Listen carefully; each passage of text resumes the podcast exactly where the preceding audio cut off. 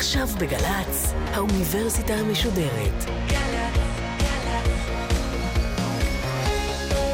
מה שקורה עכשיו.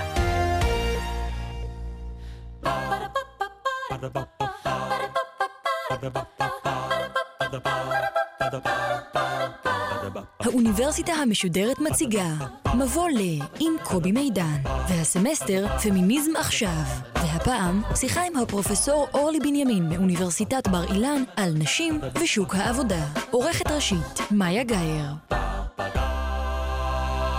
שלום לכם, אנחנו בהרצאה נוספת או ראיון נוסף, מפגש נוסף, במסגרת הקורס שלנו על פמיניזם. מי שעוקב אחרינו, מי שעוקבת אחרינו, יש לומר, בקורס כזה, יודע שאנחנו גם מעבר ל, ל, להרצאות המבוא הראשונות, אנחנו מתמקדים בכל פעם, משתדלים להתמקד בתחום אחד ספציפי. דיברנו ונדבר על מיניות ועל אימהות ועל משפט בראי הפמיניזם היום. אחד התחומים שנדמה לי הוא הכי משמעותיים, הכי קובעים את המשך הדרך של מעמד האישה, אם תרצו, אנחנו מדברים על תחום העבודה.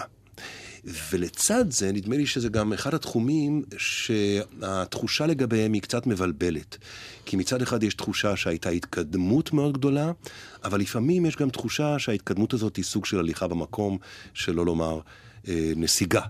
אה, וננסה לברר מה מהתחושות האלה היא הנכונה. אנחנו עם הפרופסור אורלי בנימין, שלום לך. שלום, שלום. אוניברסיטת בר אילן, מרצה בכירה במחלקה לסוציולוגיה ואנתרופולוגיה. וגם בתוכנית ללימודי מגדר. תחומי המחקר שלה שנוגעים לענייננו הם בעיקר תעסוקת נשים ושוק העבודה, ואפילו אה, פסיכולוגיה חברתית של יחסים זוגיים. אני רוצה שנתחיל, ברשותך, זאת לא שיחה היסטורית, אבל כשאנחנו מדברים על נשים ועבודה, קודם כל צריך לעשות את ההפרדה של נשים ועבודה מחוץ לבית, נשים ועבודה שאיננה עבודה ביתית. התפיסה של, אה, של רובנו, גם שלי, אני מודה, היא שהשיוך של האישה לעבודות השקופות, לעבודות הבית, הוא שיוך אוניברסלי, על זמני ועל תקופתי. זה נכון? זה יכול להיות נכון, אבל לא הייתי אה, רוצה לראות אותו כעל זמני ועל תקופתי. הייתי רוצה לומר שבמרחבים ספציפיים, בזמנים ספציפיים, השיוך של נשים למרחב הביתי הוא דומיננטי. הוא חזק, הוא ברור. ברור לנו שנשים מטפלות במשפחות שלהן, מקרצפות את בתיהן ומעצבות אותן. ההיסטוריה צועדת לצידנו, או לפחות תנועת הנשים פעלה כדי לנתק את הקשר בין נשים וטיפול תוך ביתי, ואני חושבת שבמידה רבה הייתה כאן הצלחה משמעותית. כלומר, אנחנו מדברים היום על האפשרות להניח שאישה משתכרת. הדבר הזה, יש לו כמובן צד פחות נעים להרבה נשים. אה, כך שכל כך מניחים כבר שנשים משתכרות, וכל כך העניין של ההשתכרות הפך להיות חלק מההתמקמות החברתית של אישה במיקום יוקרתי וראוי, שנשים שמתמסרות בתקופות מסוימות בחייהן לטיפול, למשל אה, לטיפול בילדים קטנים או לטיפול בהורים קשישים, מרגישות שעבודתן הקשה מאוד לא מוערכת, לא נתפסת כיוקרתית, לא נתפסת כתורמת. ולכן פמיניסטיות רבות מרגישות שהפרויקט המרכזי שלנו טרם מומש. הפרויקט שיאפשר לנו אה, הכרה חברתית, פוליטית, תקציבית, בחשיבות של עבודת הטיפול, גם בתוך הבית, והאמת, גם מחוץ לבית. תכף נגיע ללב הטיעון שלך, שאם אני מבין נכון, הוא סוג של תיאור של ההתנגשות שבין הפרויקט הפמיניסטי לבין הנאו-קפיטליזם, או הקפיטליזם העכשווי. זה תכף. אבל את יודעת, השאלה היא גם למה אנחנו משווים. אם אנחנו נשווה לפני 300 ו-400 שנה, בוודאי שההשוואה הזאת היא קצת חסרת תוקף. אבל אם אנחנו משווים את המצב בתחום הזה שאנחנו מדברים עליו, נשים, תעסוקה, שכר שווה וכולי, ומשווים את זה, נאמר, לפני 40 או 50 שנה, כמה התקדמות חלה, אם בכלל? אנחנו מדברים על מציאות מאוד פוליטית. על מציאות של מאבק על פריבילגיה, למשל הפריבילגיה להשתכר ולהשתכר כראוי, ולהתמקם במסלול תעסוקתי שמאפשר לך לא רק להשתכר כראוי, אלא להגדיל את רמת ההכנסה שלך לאורך החיים. יש נשים, קבוצה לא מבוטלת של נשים, אפשר לומר אפילו כשליש של נשים במדינות המפותחות, mm-hmm. שכבר ממוקמות במסלולים כאלה. במיוחד נשים שחצו את הגבולות ומועסקות בתפקידים שבעבר או באופן היסטורי מזוהים עם גבריות. לעומת זאת, בדרך לכאן צעדה בשדרות ירושלים אישה ערבייה, מכוסה כולה, גם עיניה היו מכוסות. בואו נדמיין שמחר בבוקר האישה הזו הולכת לראיון עבודה, וניקח בחשבון את הקושי שיהיה למי שיראיין אותה, לראות בה עובדת פוטנציאלית מן השורה שיכולה למלא תפקידים ול... אה, שיש בהם מיומנות מקצועית מוערכת. יש שם איזשהו קושי, זאת אומרת, ננסח את זה כך, כמו שפמיניסטיות אומרות, האישה היא האחר של שוק העבודה. עכשיו, חשוב לראות, במיוחד בארץ ישראל, חשוב לשים לב שגם אם נדבר בארץ ישראל, במציאות הישראלית לפני 70 שנה, היו בישראל לא רק נשים עובדות, אלא נשים שנאבקו על זכותן לעבוד, על זכותן להשתכר, הנהיגו מאבקים של נשים, על הזכות להשתכר כראוי, אז על הזכות לעבוד כרצפיות בבניין. במקצועות גבריים כביכול. במקצועות גבריים, במקצועות שנחשבו חלוציים והוערכו כחלוציים. תנועות חברתיות אפשרו לנשים לחצות את הגבול של התחום הפרטי ולהתחבר למשימות ראויות. אנחנו יודעים את זה גם למשל ממדינות מזרח אירופה. אנחנו יודעים את זה מיהדות מזרח אירופה, שעוד לפני אה, כל השינויים ההיסטוריים עוד, אה, של המאה ה-19 אפילו, נשים עובדות קשה, מפרנסות את הבתים שלהם, כמעט מופקדות על הפרנסה של הבתים שלהם. אז חלק מאוד חשוב בהפחתת הערך שנשים עוברות בשוק העבודה קשור גם בדימוי היסטורי מעוות. כי בכל זאת התחלנו מחברות ציד ולקט, ונשים תמיד ליקטו. אז הניסיון הקצת אה, נחפז שלי, או קצת עיתונאי שלי, לשים את קו ההשוואה בין אה, נקודת הזמן הנוכחית לבין לפני 30-40 שנה, אני מבין את האמביוולנטיות שאת עונה, ויחד עם זה אני מחלץ משם נתון אחד, שליש דרך, שליש כוס מלאה. עכשיו בואי נגיע, פרופסור אה, אורלי בנימין, בואי נגיע ללב הטיעון שלך. בנקודת הזמן הנוכחית, נדמה לי שאת תסכימי, או אפילו תטעני, שיש התנגשות בין הפרויקט הפמיניסטי לבין הכלכלה הנאו-קפיטליסטית. אלה הרבה מילים יפות וגדולות, ואני מאפשר לך עכשיו ומבקש ממך שתפרסי את הטיעון הזה. נתחיל ונאמר שבאופן היסטורי, כניסתן המסיבית של נשות המעמד הבינוני, בעלות המקצוע, לאל שוק העבודה, התבססה במיוחד על מסלולים בתוך המגזר הציבורי. הגודל שלהם, בהינתן מדינות רווחה מחויבות לשירותים חברתיים, אפשרו לנשים להיכנס ולתת ביטוי ליכולות הטיפול שלהם, הפעם לא כאינטואיציה, הפעם לא כביטוי לאינסטינקט נשי טיפולי, אלא כביטוי לתחומי מקצוע נלמדים, שהולכים והופכים מתוחכמים יותר כל הזמן. כלומר, הטענה עד כאן שהיסטורית אה, נתיב הכניסה המרכזי, או אחד מנתיבי המרכ... הכניסה הכי מרכזיים של נשים לשוק העבודה, היה דרך המגזר הציבורי. אה, והמאפיינים של המגזר הציבורי. מאפיינים של המגזר הציבורי, במיוחד בדגש על משרות יציבות. הרבה פעמים בדימוי הציבורי, כשאנחנו מדברים על השאלה מה הם חסמים שמפריעים לנשים לתפקד בשוק העבודה לאורך שנים ולהגיע לרמת תגמולים ראויה בתוכו, אנחנו אומרים תקופות הטיפול. המגזרים הציבוריים האלה, כיוון שהם היו גם מאופיינים ברמה נאותה של התאגדות מקצועית, אפשרו לנשים תקופות הורות ארוכות יותר או פחות, שאפשרו להם לחזור למסלולים. בלשון של דוגמה, אני זוכר מילדותי, שזה כבר מספיק רחוק כדי שזה עדיין יהיה אה, עידן העבודה המאורגנת, או העבודה המוגנת, שלפני המהפך הנאו-קפיטליסטי. למשל, דובר אז על מורים, על תפקיד ההוראה. המשכורת איננה משובחת, אבל יש ביטחון תעסוקתי, ויש חופש, ויש תנאים וכולי, לכן זה מתאים לנשים. נכון. זה היה הדיבור אז. אני אה, אף פעם לא אהבתי את הדבר הזה, לכן זה מתאים לנשים, כי יש כאן איזושהי אמירה ששולחת את כל הנשים לתוך קטגוריה אחת מאוד מאוד צרה וחד-מימדית. לא, יש כאן תפיסה, יש כאן, הייתה כאן לפחות, אבל את מדברת על עיוותים היסטוריים, כן? כן. הייתה כאן תפיסה שתפקידה של האישה בתחום של פרנסה הוא של משכורת שנייה. נכון, ועד היום נשים משלמות את המחיר על התפיסה הזו, שכביכול יהיה שם מי שיפרנס אותן, גם אם הם ירוויחו שכר מינימום שעתי במשרה חלקית, יהיה מי שיקיים אותן. יחד עם זאת, כמו שאמרנו, מדובר היה גם בעבר בסטריאוטיפ שעל פיו כלל הנשים לוקחות על עצמן את האחריות על עבודת הטיפול. אבל אם אנחנו מסתכלים על ההיסטוריה הישראלית, וגם על היסטוריה במדינות אירופה, אנחנו יודעים, ואפילו בארצות הברית, אנחנו יודעים שיש לנו שופטות ומרצות די מבוגרות היום, אה, שכבר לפני חמישה עשורים אה, צמצמו את עבודת הטיפול בחייהן, הטיפול התוך ביתי, תוך משפחתי, לשוליים מסוימים, והתמקדו בהתמסרות לחיים מקצועיים, ובמיוחד להתפתחות המקצועית. אבל זה שאתה כל הזמן רוצה שאנחנו נחזור למקומות האלה, לדימוי הזה, להתאמה של תפקיד המורה, זה קשור גם בתפיסה החברתית הרחבה, שעל פיה זו המהות הנשית. הטיפוליות. וכאן אנחנו במקום שצריכים לשים לב לדואליות שיש בו. מצד אחד, כפמיניסטיות, היינו מאוד רוצים חיים חברתיים ותרבותיים, היסטוריים, פוליטיים, וכמו שכבר אמרתי, תק, תקצוביים, שנותנים, מייחסים ערך לטיפוליות הנשית. מצד שני, אני ופמיניסטיות רבות אחרות לא רוצות לראות את הטיפוליות כמקום כובל. כמו שאני רוצה עבורך את האפשרות לבוא אל הטיפוליות. זה הרצוי.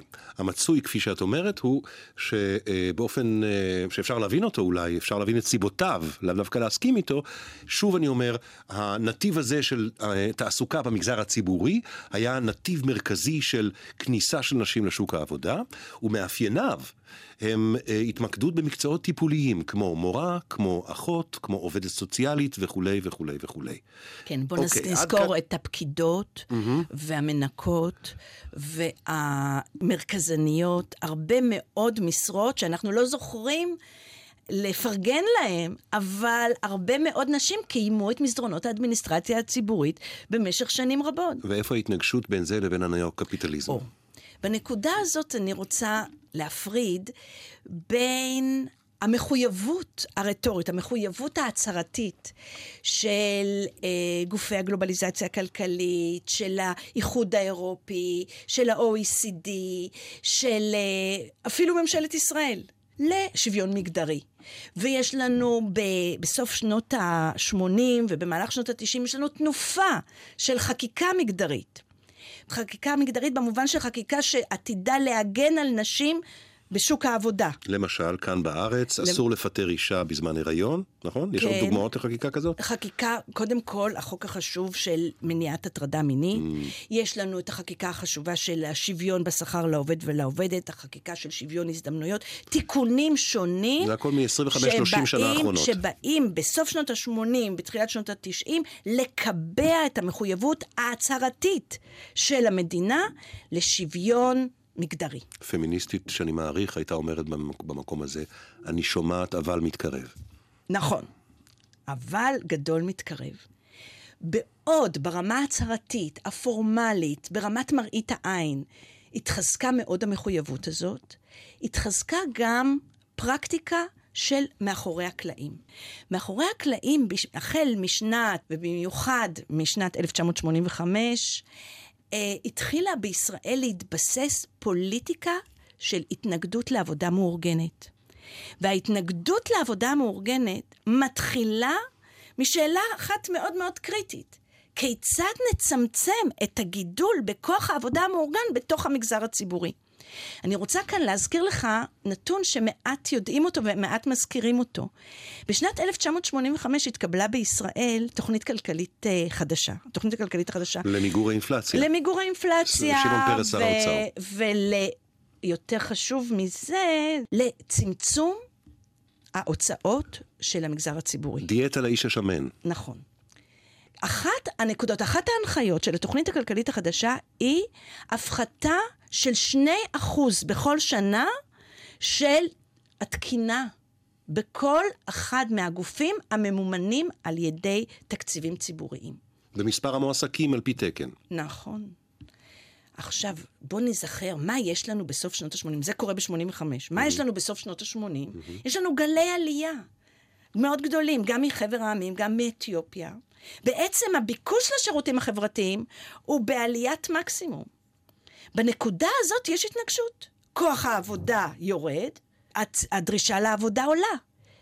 כאן נוצר החלון שדרכו נכנסים הסדרי העסקה החדשים.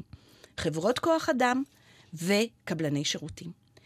המגזר הציבורי מתחיל לכוון להפחתת המחויבות שלו לשלם לנשים את הפנסיות הראויות שהיו ביחס לכוח העבודה המאורגן חלק בלתי נפרד מהסדרי העסקה, מתנער מהצורך לשלם פנסיות כאלה, אני בכוונה מדגישה את הפנסיה, כי עד הפנסיה אין חיסכון בעלויות. זה אחד החישובים המעניינים שיש לנו.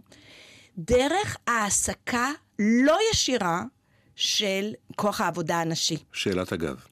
בעצם אין כאן פעולה שהיא פעולה נגד כוח העבודה הנשי, אלא פעולה, כפי שאת מסמנת היסטורית, ב-85 נאמר, אה, נגד או להפחתת או לצמצום המגזר הציבורי כולו, גם גברים. אה, זה יפה, זה יפה שאתה מדמיין שזה גם גברים, אבל כאן בדיוק אנחנו מגיעים לשאלה המרתקת מבחינתנו, מבחינת הפוליטיקה של השדה הזה, איזו משרה נחשבת מתאימה להעברה לחברת כוח אדם? האם את המשרה של קובי מידן, סליחה, mm-hmm. אפשר להעביר לחברת כוח אדם? לדעתי, קובי מידן נחשב אה, ברמת מיומנות מאוד גבוהה בעיסוקו, ולכן לא ימהרו להעסיק אותו דרך חברת כוח אדם.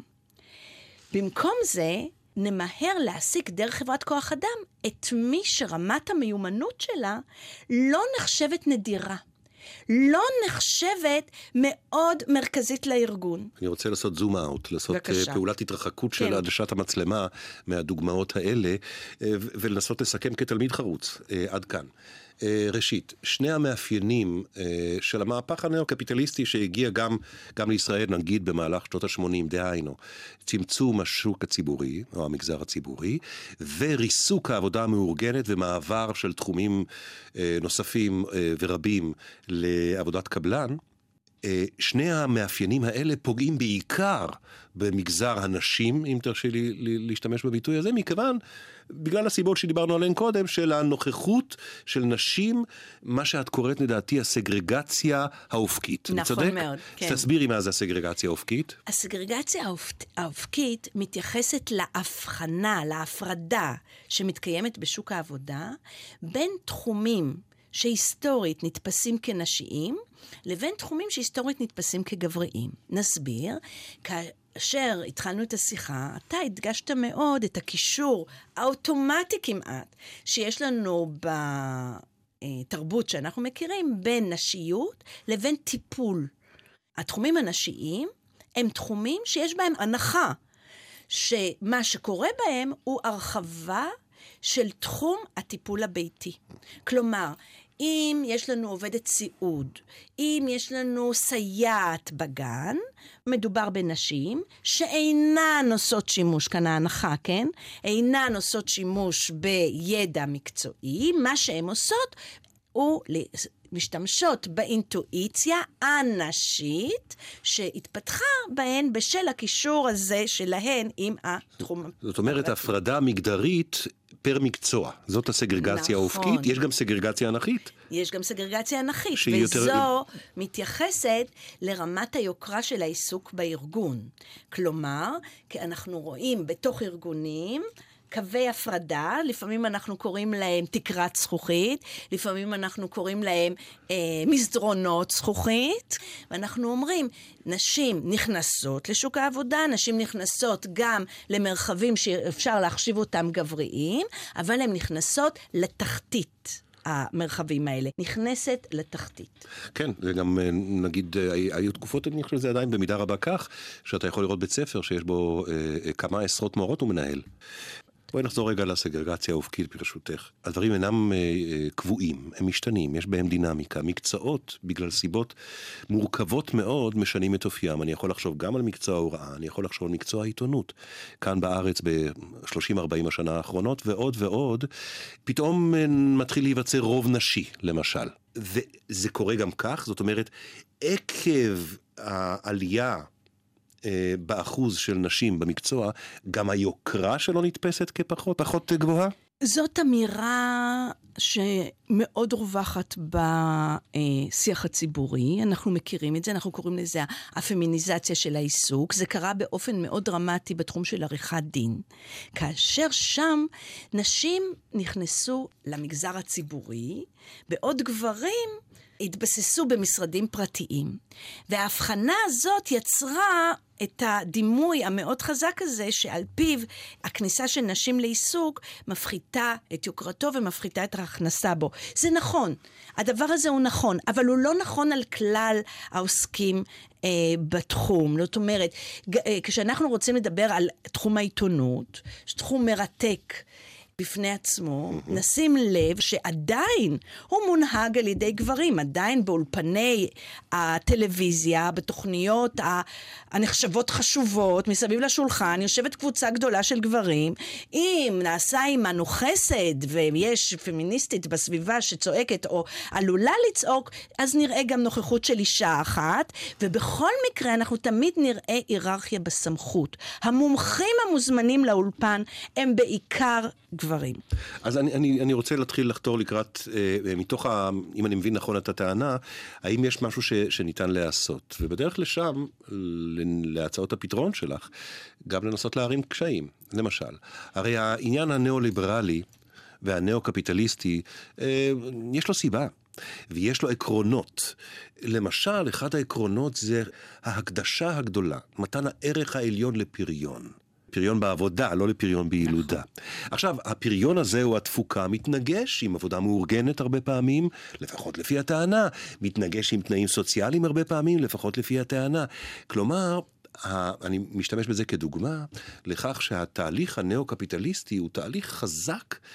והשאלה מה ניתן לעשות כדי לצמצם את השפעותיו המזיקות על הפרויקט הפמיניסטי.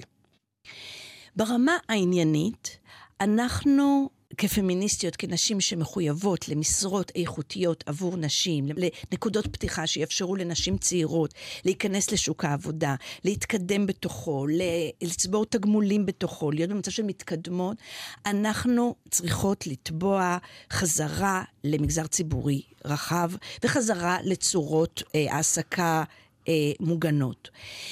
אה, אומרים לנו, כמו שאתה עכשיו הסברת, ידוע לנו שיש כאן ירידה בתפוקה, שהצורות הפעולה האלה מורידות את התפוקה. כיום יש לנו די הרבה מחקרים שמערערים על הידוע הזה. אפילו בארצות הברית מוצאים בשנים האחרונות שחברות שמתייחסות לעובדים כבני אדם, מגנות על האנושיות שלהם, מאפשרות להם נינוחות, ירידה מקצות האצבעות, יש לנו רמות תפוקה גבוהות יותר. אז, אז ראשית, את, את, את מערערת על הקביעה הזאת ששיפור בתנאים של העובדים והעובדות יוביל לירידה בתפוקה. בסדר. אז, אז בעצם את יוצרת קשר, בא להינתק בין קידום הפרויקט הפמיניסטי לבין חזרה לסוציאל דמוקרטיה. בהחלט. זה עיקרון מאוד מרכזי בהבנה שלי את מה זה פמיניזם. ולא רק זה... בגלל העבודה, לא רק בגלל תחום העבודה, בגלל הרעיון שנשים במיוחד כאשר הן ממוקמות במיקומים פגיעים חברתית, אם אתנית, גזעית, דתית, נשים במיקומים פגיעים, זקוקות למדיניות ציבורית מעורבת, מחויבת, מגוננת. אם את תתייחס לתחום נערות, אם ת... בכל תחום שלא תתייחס אליו. אני חייב להגיד לך שהתלות שאת יוצרת, או טוענת לה, בין אה, הפרויקט הפמיניסטי לבין סוציאל דמוקרטיה וחזרתה, היא נשמעת לי קצת אה, קודרת. כלומר, מכיוון שאני לא מאמין שהסוציאל דמוקרטיה תחזור. אני משתתפת בהגדרת המצב על הכדרות. יחד עם זאת, יש תקווה, והתקווה הזאת נראית כמו הרבה מאוד נשים צעירות פועלות כל הזמן לקידום הרעיונות האלה, לקידום הראייה אה, של ה-well-being של נשים בכל קבוצות הגיל, בכל קבוצות האוכלוסייה, כמטרה ראויה שלאורך זמן תסדוק גם את uh, המבנים הכוזבים של הניאו-ליברליזם. ובצורה קונקרטית, אם היית צריכה לנסח את, את עקרונות הפעולה לשיפור המצב מהבחינה שאת מדברת עליו, מהם העקרונות הראשוניים שהיית, שהיית מנסחת? מה הצעדים שצריך לנקוט? הצעד הראשון שצריך לנקוט הוא, כמו שאמרתי קודם, אה, מסלולי תעסוקה מאפשרי קידום. בנייה של מסלולים כאלה, גם בעיסוקים נשיים וגם בעיסוקים גבריים.